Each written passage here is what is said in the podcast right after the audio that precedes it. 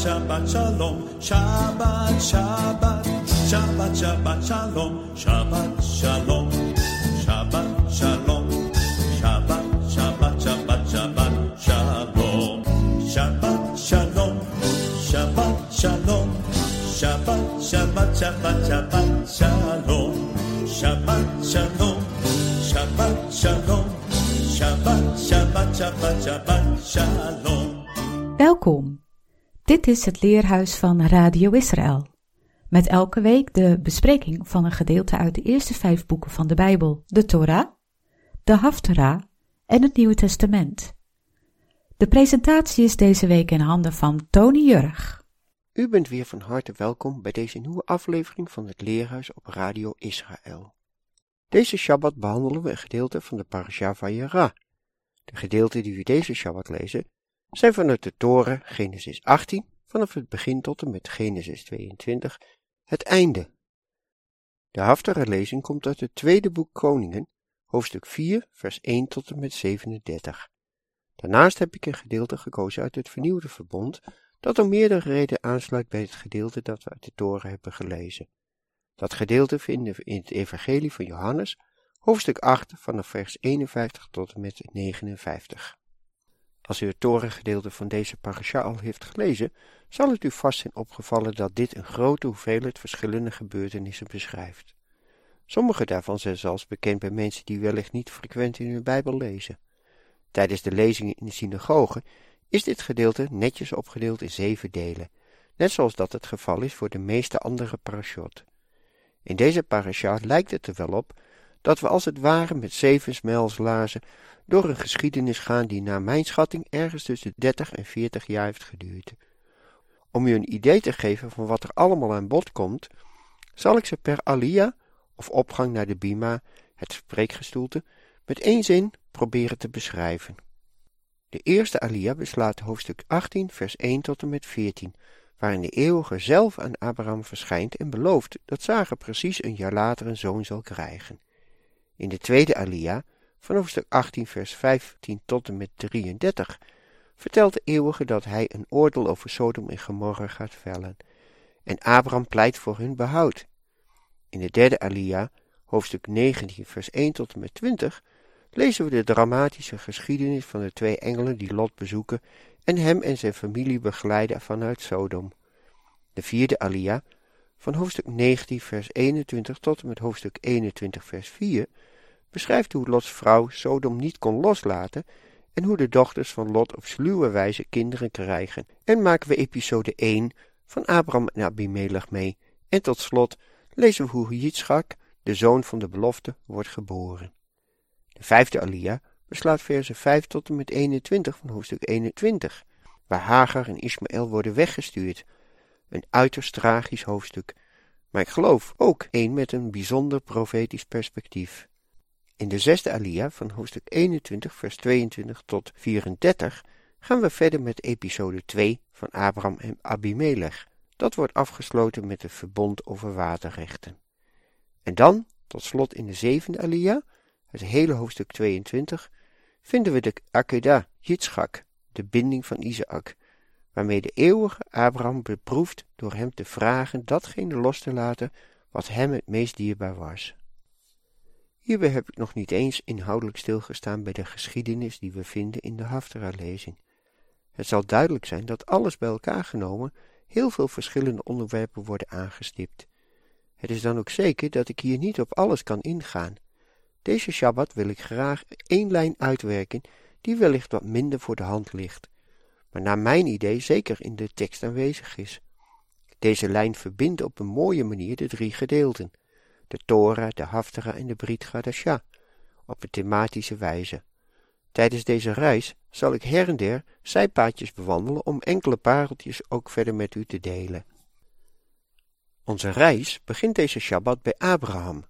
Aan het einde van de vorige parasha hebben we gelezen dat op dezelfde dag zowel hij als zijn zoon Ismaël besneden werden, evenals de rest van zijn hele huishouden, zoals vermeld in het direct daarop volgende vers in Genesis 17 vers 26. De besnijdenis diende als een verbondsteken van het verbond waarover de eeuwige vlak daarvoor in vers 10 had gesproken. En zo komen we aan in het begin van hoofdstuk 18 met de parasha van deze Shabbat, genaamd Vayera. Dat is tevens het eerste woord van de parasha, een nivel wajiktelvorm van het werkwoord ra'a, en dat zou ik willen vertalen als en toen verscheen hij. De identiteit van die hij wordt duidelijk uit het derde woord, waar wij tetragrammaton vinden, wat aangeeft dat het de eeuwige zelf was die verscheen aan Abraham. Opmerkelijk is dat de eeuwige zelf afdaalde naar de aarde. Iets soortgelijks hebben we eerder gelezen, namelijk bij de torenbouw van Babel. Ondanks de hoogmoed van de mensen die aan een toren bouwden die tot in de hemel zou reiken, was de eeuwige blijkbaar niet zo onder de indruk. Hun kolossale bouwwerk was niet meer dan een stofje aan de weegschaal of een druppeltje in de emmer, zoals in Jesaja 40 vers 15 wordt beschreven. Enige ironie ontbreekt dan ook niet in Genesis 11 vers 5, waar staat dat de eeuwige afdaalde om te zien wat de mensen daar aan het bouwen waren. En ook in Genesis 3 vers 8, nadat de mens van de verboden vrucht had gegeten, vinden we iets wat hierop lijkt. Als ik het Hebreeuws daar letterlijk neem, dan staat er zoiets als de stem van de eeuwige wandelde door de tuin. En sommige vertalingen, zoals de HSV, geven hier echter weer alsof de eeuwige zelf door de tuin liep. Aan het begin van onze parasha is het verschijnen van de eeuwige aan Abraham in ieder geval letterlijk te verstaan. Ik heb de geschiedenis van Babel en de Hof van Eden hiervoor genoemd, omdat ik meen dat er een aantal overeenkomsten zijn. De eeuwige daalde af naar de aarde als een rechter die het onrecht recht gaat zetten, die een rechtvaardig oordeel zal gaan vellen. En juist dat aspect zullen we verderop in de studie ook weer terug zien komen. In vers 2 lezen we dat Abraham zijn ogen opsloeg en keek. En warempel, daar stonden drie mannen bij hem. Hij rende naar hen toe en boog diep als teken van gastvrijheid. Hij vraagt de mannen om te blijven en verzorgt ze. Dan, in vers 6, zien we dat Abraham haastig naar de tent van Sarah rent en tegen haar zegt, Haast je, kneed drie porties fijn tarwemeel en maak ongezuurde broden. Het Hebreeuwse woord dat hier is gebruikt voor brood is uga, dat zoiets betekent als een rond plat brood dat wordt gebakken op hete stenen en omgedraaid kan worden om aan beide zijden te bakken. Hetzelfde woord vinden we ook in Exodus 12, vers 39, in combinatie met het woord matzes. Mede omdat in het vervolg van deze parasha, in Genesis 19 vers 3, het woord matzot ook voorkomt, geloof ik dat het hier inderdaad om ongezuurde broden, om matzes ging. Maar er zijn meer aanwijzingen in de tekst van Genesis 18. De drie mannen geven in vers 10 aan Abraham de verzekering dat Sarah over een jaar een zoon zal krijgen. Sarah lachte van binnen, omdat zij zichzelf versleten achtte, en ze wist dat haar echtgenoot oud was. Zou de eeuwige wel in staat zijn om dat te doen? Maar in vers 14 wordt de belofte herhaald. Is er een ding te wonderlijk voor de Heere? Op de vastgestelde tijd zal ik bij jou terugkeren, precies over een jaar, en Sarah zal een zoon hebben. Hier wordt het woord moed gebruikt, wat vastgestelde tijd betekent. Hetzelfde woord dat ook in Leviticus 23 wordt gebruikt om te verwijzen naar de feesten des Heren. Als we deze dingen in ogenschouw nemen, is het goed begrijpelijk dat er rabbijnse tradities zijn die stellen dat Isaac op Pesach werd geboren. De eeuwige is bemachtigd zijn belofte waar te maken op de door hem vastgestelde tijden. En dan, wanneer Abraham de gasten uitgeleide doet, richten de drie gasten hun blik op Sodom en Gomorra. Dan spreekt de eeuwige, zou ik voor Abraham verbergen wat ik van plan ben te doen? Vers 20 laat zien dat het geschreeuw vanwege de ongerechtigheid van het Sodom en tot de eeuwige was opgestegen en dat hij zelf polshoogte wilde nemen. Er staat, ik wil het weten. Onrecht roept tot de eeuwige, zelfs als de slachtoffers hun stem hebben verloren. Denk daarbij maar aan de eerste broedermoord, waarbij Abels bloed uitriep om vergelding. Het recht zal uiteindelijk zegevieren over onrecht als de eeuwige zelf in actie komt. De twee engelen vertrekken richting Sodom, terwijl de eeuwige zelf bij Abraham achterblijft. En dan springt Abraham in de bres. In Genesis 18 vers 22 staat dat hij voor het aangezicht van de eeuwige gaat staan om te pleiten voor het volk van Sodom. Abraham smeekt dat Sodom niet wordt vernietigd als er vijftig rechtvaardigen zijn, vervolgens 45, 40, 30, 20 en hij stopt bij 10. Waarom stopt hij bij 10? Hij kende zeker de geschiedenis van Noach, denk ik, waarbij de eeuwige de hele aarde vernietigde en slechts acht rechtvaardigen door het water heen werden gered in de ark. Daarom is het onwaarschijnlijk dat hij Sodom zou gaan redden voor minder dan tien rechtvaardigen. Ondertussen zijn engelen aangekomen in Sodom. Daar zit Lot, net als Abraham in het vorige hoofdstuk, bij de ingang. Alleen Lot zat in de poort van een uiterst ongastvrije stad. Lot nodigt de mannen ook uit, en ondanks dat ze op straat zouden willen overnachten, gaan ze mee en bereidt Lot een maaltijd voor hen. Vers 3 zegt dat hij ongezuurde broden, matzes, voor hen bakt. De engelen hadden Lot ontmoet, terwijl hij verblijvend was, Josef, bij de stadspoort. Dat wijst erop dat Lot in een positie verkeerde waarin hij recht kon spreken. Maar hoeveel gezag heeft hij werkelijk? Wordt hij als vreemdeling slechts gedoogd? Een paar versen verder zien we dat alles misgaat en blijkt dat een enorme menigte zich voor zijn huis verzamelt.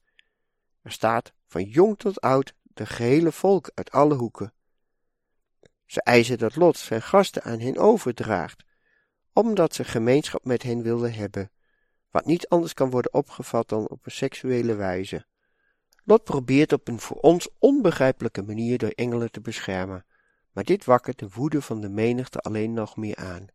En ze roepen dan ook: Ga weg, jij bent slechts een tijdelijke inwoner, en je wilt ook nog onze rechten spelen? Wanneer de situatie verder escaleert, brengen de engelen Lot in veiligheid en slaan ze de menigte met blindheid. Zien en niet zien is een thema dat terugkeert in deze parasha.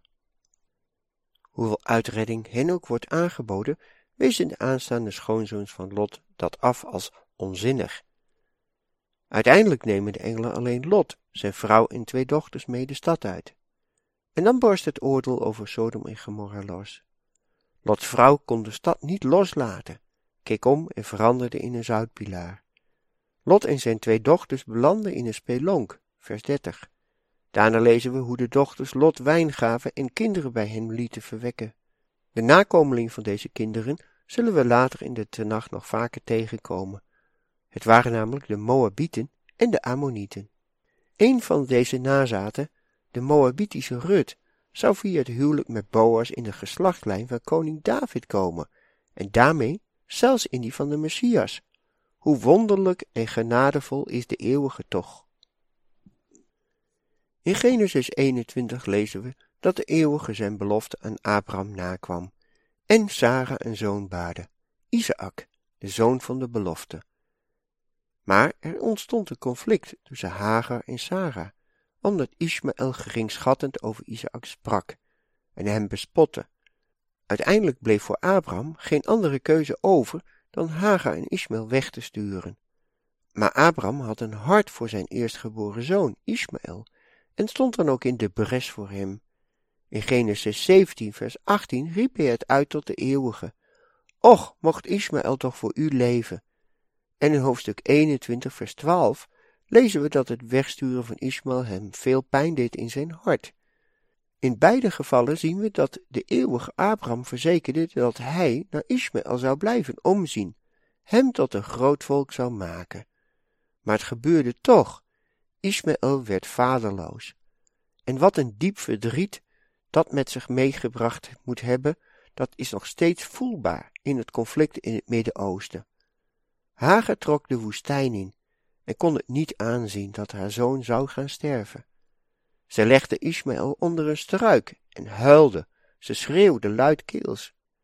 En dan, wat ontroerend is, lezen we dat de eeuwige hoorde, precies zoals de naam Ismaël betekent.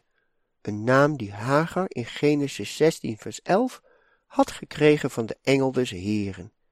En nu kwam een engel bij haar, en ik denk dezelfde engel, die ze al eerder had ontmoet. En die opende haar de ogen, zodat ze een waterbron zag, het water dat hen tweeën in leven zou gaan houden. Zouden wij ook niet op de bres mogen gaan staan, net als Abraham, voor die andere zoon van hem en al zijn nageslacht, zodat de engel des Heeren hen ook de ogen zal openen? zodat zij ook mogen zien naar die bron van levend water en er werkelijk shalom zal zijn? Er gaan vele jaren voorbij en Isaac wordt ouder. En dan lezen we in Genesis 22 dat de eeuwige Abraham op de proef stelt. Hij zegt tegen Abraham, neem toch je zoon, je enige die je lief hebt, Isaac, en begeef je naar de berg Moria. Breng hem daar als een offer dat in vlammen opgaat, op een van de bergen die ik je zal aanwijzen. Abraham staat vroeg op in de ochtend om naar de berg Moria te gaan, de toekomstige locatie van Jeruzalem, om zijn enige zoon Isaac te offeren. Hij vertelt zijn metgezellen om achter te blijven en dat hij en Isaac verder zullen gaan om te aanbidden, waarna ze weer zullen terugkeren. Abraham legt het hout voor het offer op Isaac om de heuvel op te dragen. Hij neemt het vuur en het mes en beide gaan samen, zoals vermeld in Genesis 22 vers 6. Hoewel Isaac ongeveer dertig jaar moet zijn geweest en zich zou kunnen verzetten tegen de poging van zijn 130-jarige vader om hem te offeren, doet hij dat niet. Op het moment van het offer stopt een engel van de eeuwige Abraham en ziet hij ineens een ram om geofferd te worden in plaats van Isaac. Wanneer Isaac wordt vrijgelaten, heeft hij striemen van het binden, zoals te zien is in Genesis 22 vers 9. Daarom wordt deze gebeurtenis in het Jodendom ook de Akedat Yitzchak genoemd, de binding van Isaac. In Hebreeën 11, vers 27 lezen we dat door het geloof Abraham, toen hij door God op de proef gesteld werd, Isaac heeft geofferd. En hij, die de belofte ontvangen had, heeft zijn enige geborene geofferd. Tegen hem was gezegd, in Isaac zal uw nageslacht genoemd worden. Hij overlegde bij zichzelf dat God bij machten was hem zelfs uit de doden op te wekken, en ik kreeg hem, als het ware, daaruit ook terug. En het haftere gedeelte van deze Shabbat laat eenzelfde soort van geloofsvertrouwen zien. Hier zien we in 2 Koningen 4 vers 8 hoe een vrouw uit Sunem gastvrij is voor een man gods. Omdat hij, Elisa, steeds langskomt, stelt ze voor een klein bovenvertrek te laten maken waarin Elisa kan verblijven. En dan lezen we in vers 14 dat haar man reeds oud was en zij geen zoon heeft. Tussen twee haakjes, ik kan me zo voorstellen dat zij ook reeds oud moet zijn geweest. En dan, in vers 16, lezen we de belofte dat zij een zoon zal hebben over een jaar. En opmerkelijk genoeg staat hier weer dat woordje moed, vertaald in de HSV met vastgestelde tijd. En ook hier bleek de eeuwige trouw en zijn baarde een zoon. Maar dan geschiedde het dat de zoon opgroeide en tijdens het oogsten onwel werd. Hij riep, mijn hoofd, mijn hoofd. Hij werd naar zijn moeder gebracht, waar hij uiteindelijk op haar knieën stierf. Is er een grote verdriet voor een moeder bedenkbaar? Maar dan, dwars door haar verdriet en pijn, blijft zij geloof houden op een goede uitkomst. Zij legt het kind neer op het bed van de man Gods en ging op weg, zonder haar man te vertellen dat haar zoon was gestorven. Ze zei, stuur me toch een van de knechten met een van de ezelinnen, zodat ik snel naar de man Gods kan gaan. Daarna kom ik weer terug. Haar man zei, waarom ga je vandaag naar hem toe? Het is geen nieuwe maan en geen Shabbat. Maar zij zei, het is goed zo, het is shalom. En dan, bij aankomst bij Gehazi, die naar het welzijn van haar zoon vraagt, geeft ze weer datzelfde antwoord, het is goed. En dat doet me gelijk weer denken aan dat bekende lied, It is well with my soul. Het lied dat Horatio Spafford schreef na het tragische dood van zijn zoontje, heel lang geleden in 1871. En dat spreekt ook van vrede in tragische momenten. De geschiedenis van twee koningen gaat verder, vol emotie. En dan uiteindelijk wordt Gehazi door Elisa vooruitgestuurd met een staf, een stuk hout, welke hij op het gezicht van het kind legt. Maar er komt geen teken van leven. Gehazi gaat terug naar Elisa en meldt dat er geen teken van leven was gekomen. En daarna komt Elisa, sloot de deur van de kamer, bad tot God en legde zijn mond op de mond van de jongen, zijn ogen op de ogen van de jongen, strekte zich uit over de jongen, en zo werd de jongen warm. Hij liep heen en weer door het huis en ging terug naar de jongen. En de jongen nieste zeven keer en opende zijn ogen. Wat mij zo fascineert aan dit gedeelte is dat hier een opstanding uit de doden wordt beschreven met een combinatie van hout en adem. En dan denk ik ook dat later Yeshua aan een hout, aan een kruis sterft, maar drie dagen later door de Vader wordt opgewekt. En daarnaast zijn er natuurlijk ook nog meerdere parallellen te ontdekken tussen dit gedeelte en de binding van Isaac. Denk dan maar eens aan de belofte tegen de natuurlijke mogelijkheden in voor een zoon. Het wordt dan ook niet voor niets op dezelfde Shabbat gelezen. In het gedeelte dat ik uit het nieuwe verbond heb gekozen, zegt Yeshua in Johannes 8, vers 56 dat Abraham zijn dag heeft gezien en zich daarin verheugde. Maar hoe is dat nou mogelijk? Aan het einde van dit gedeelte in de Torah, Genesis 22, vers 14, noemt Abraham de berg Moria, de plaats waar God voorzag in een ram als offer in plaats van zijn zoon Isaac. En hij noemde de plek Adonai en dat betekent de Heer ziet of voorziet. Gebruik maakt het van dezelfde wortels als de titel van deze parasha. Isaac was naar menselijk inzicht Abrahams pensioensvoorziening, zijn appeltje voor de dorst, de zekerheid dat zou worden voorzien in al wat hij nodig had om te overleven als Abraham niet meer in zijn eigen behoeften kon voorzien. En Abraham was bereid die tastbare zekerheid op te geven, omdat hij wist dat enkel de eeuwige in staat was om waarlijk te voorzien in alles wat nodig was. Of hij tot in detail wist hoe de eeuwige dat precies zou doen, dat betwijfel ik. Abraham werd gevraagd voor het aangezicht van de eeuwige te wandelen. Hij kende het karakter van de eeuwige, en dat was genoeg. Het was genoeg dat God zijn woord zou houden, zelfs als de manier waarop dat allemaal zou uitwerken niet van tevoren bekend was. Onze generatie kan terugkijken op het vrijwillige offer van Yeshua en zijn opstanding. En het heeft daarmee het voorrecht om ook op een andere wijze hiernaar te kunnen kijken dan Abraham. Waar Abraham vooruit moest kijken, kunnen wij ook terugkijken. En wij kunnen ook gaan stilstaan bij de parallellen en verschillen tussen de offers van Yeshua en de geschiedenis van die binding van Isaac. We kunnen nadenken over de vaders die hun zoon los moeten laten, en over zonen die zichzelf laten binden, en over de verschillende wijzen waarop deze parasha heenwijzingen bevat naar dat offer van Yeshua, dat volmaakte Pesach-offerlam. Maar wellicht vraag je je af, maar hoe kon Abraham al matzes eten op een moment dat pas veel later Pesach zou worden genoemd? Hoe kon hij als het ware een feest vieren dat iets herdenkt wat nog niet eens heeft plaatsgevonden? Als eerste zou ik opnieuw naar de woorden van Yeshua willen verwijzen. Heeft die dag van Yeshua niet alles te maken met Pesach? Verder had de eeuwige aan Abraham verteld dat zijn kinderen onderdrukt zouden gaan worden en uiteindelijk bevrijd. Het is goed voorstelbaar dat Abraham uitkeek naar de vervulling van die belofte. Dat is in ieder geval het idee dat schuilgaat achter de midrashische identificatie van dat uw God die platte broden die Sarah bakte met matzes en dus met het Pesachfeest. Abraham vierde de uittocht uit Egypte, de vervulling van Gods belofte voor hem, een gebeurtenis waar hij met grote vreugde naar uitkeek. Abraham sprak op de berg Moria de woorden uit dat de eeuwige zal voorzien. Later werd de naam van deze plek Jeruzalem, de stad van vrede. En als we naar de situatie van vandaag kijken, lijkt die vrede verder weg dan ooit.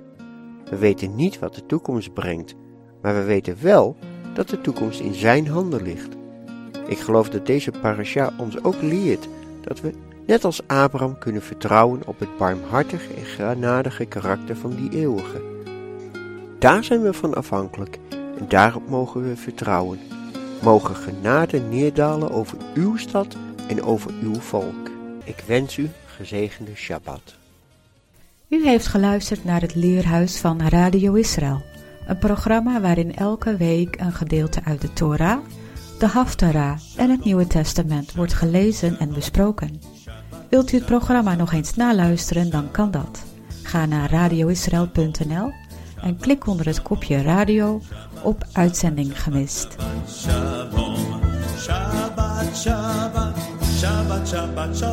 Shabbat, Shalom, Shabbat, Shalom, Shabbat, Shalom.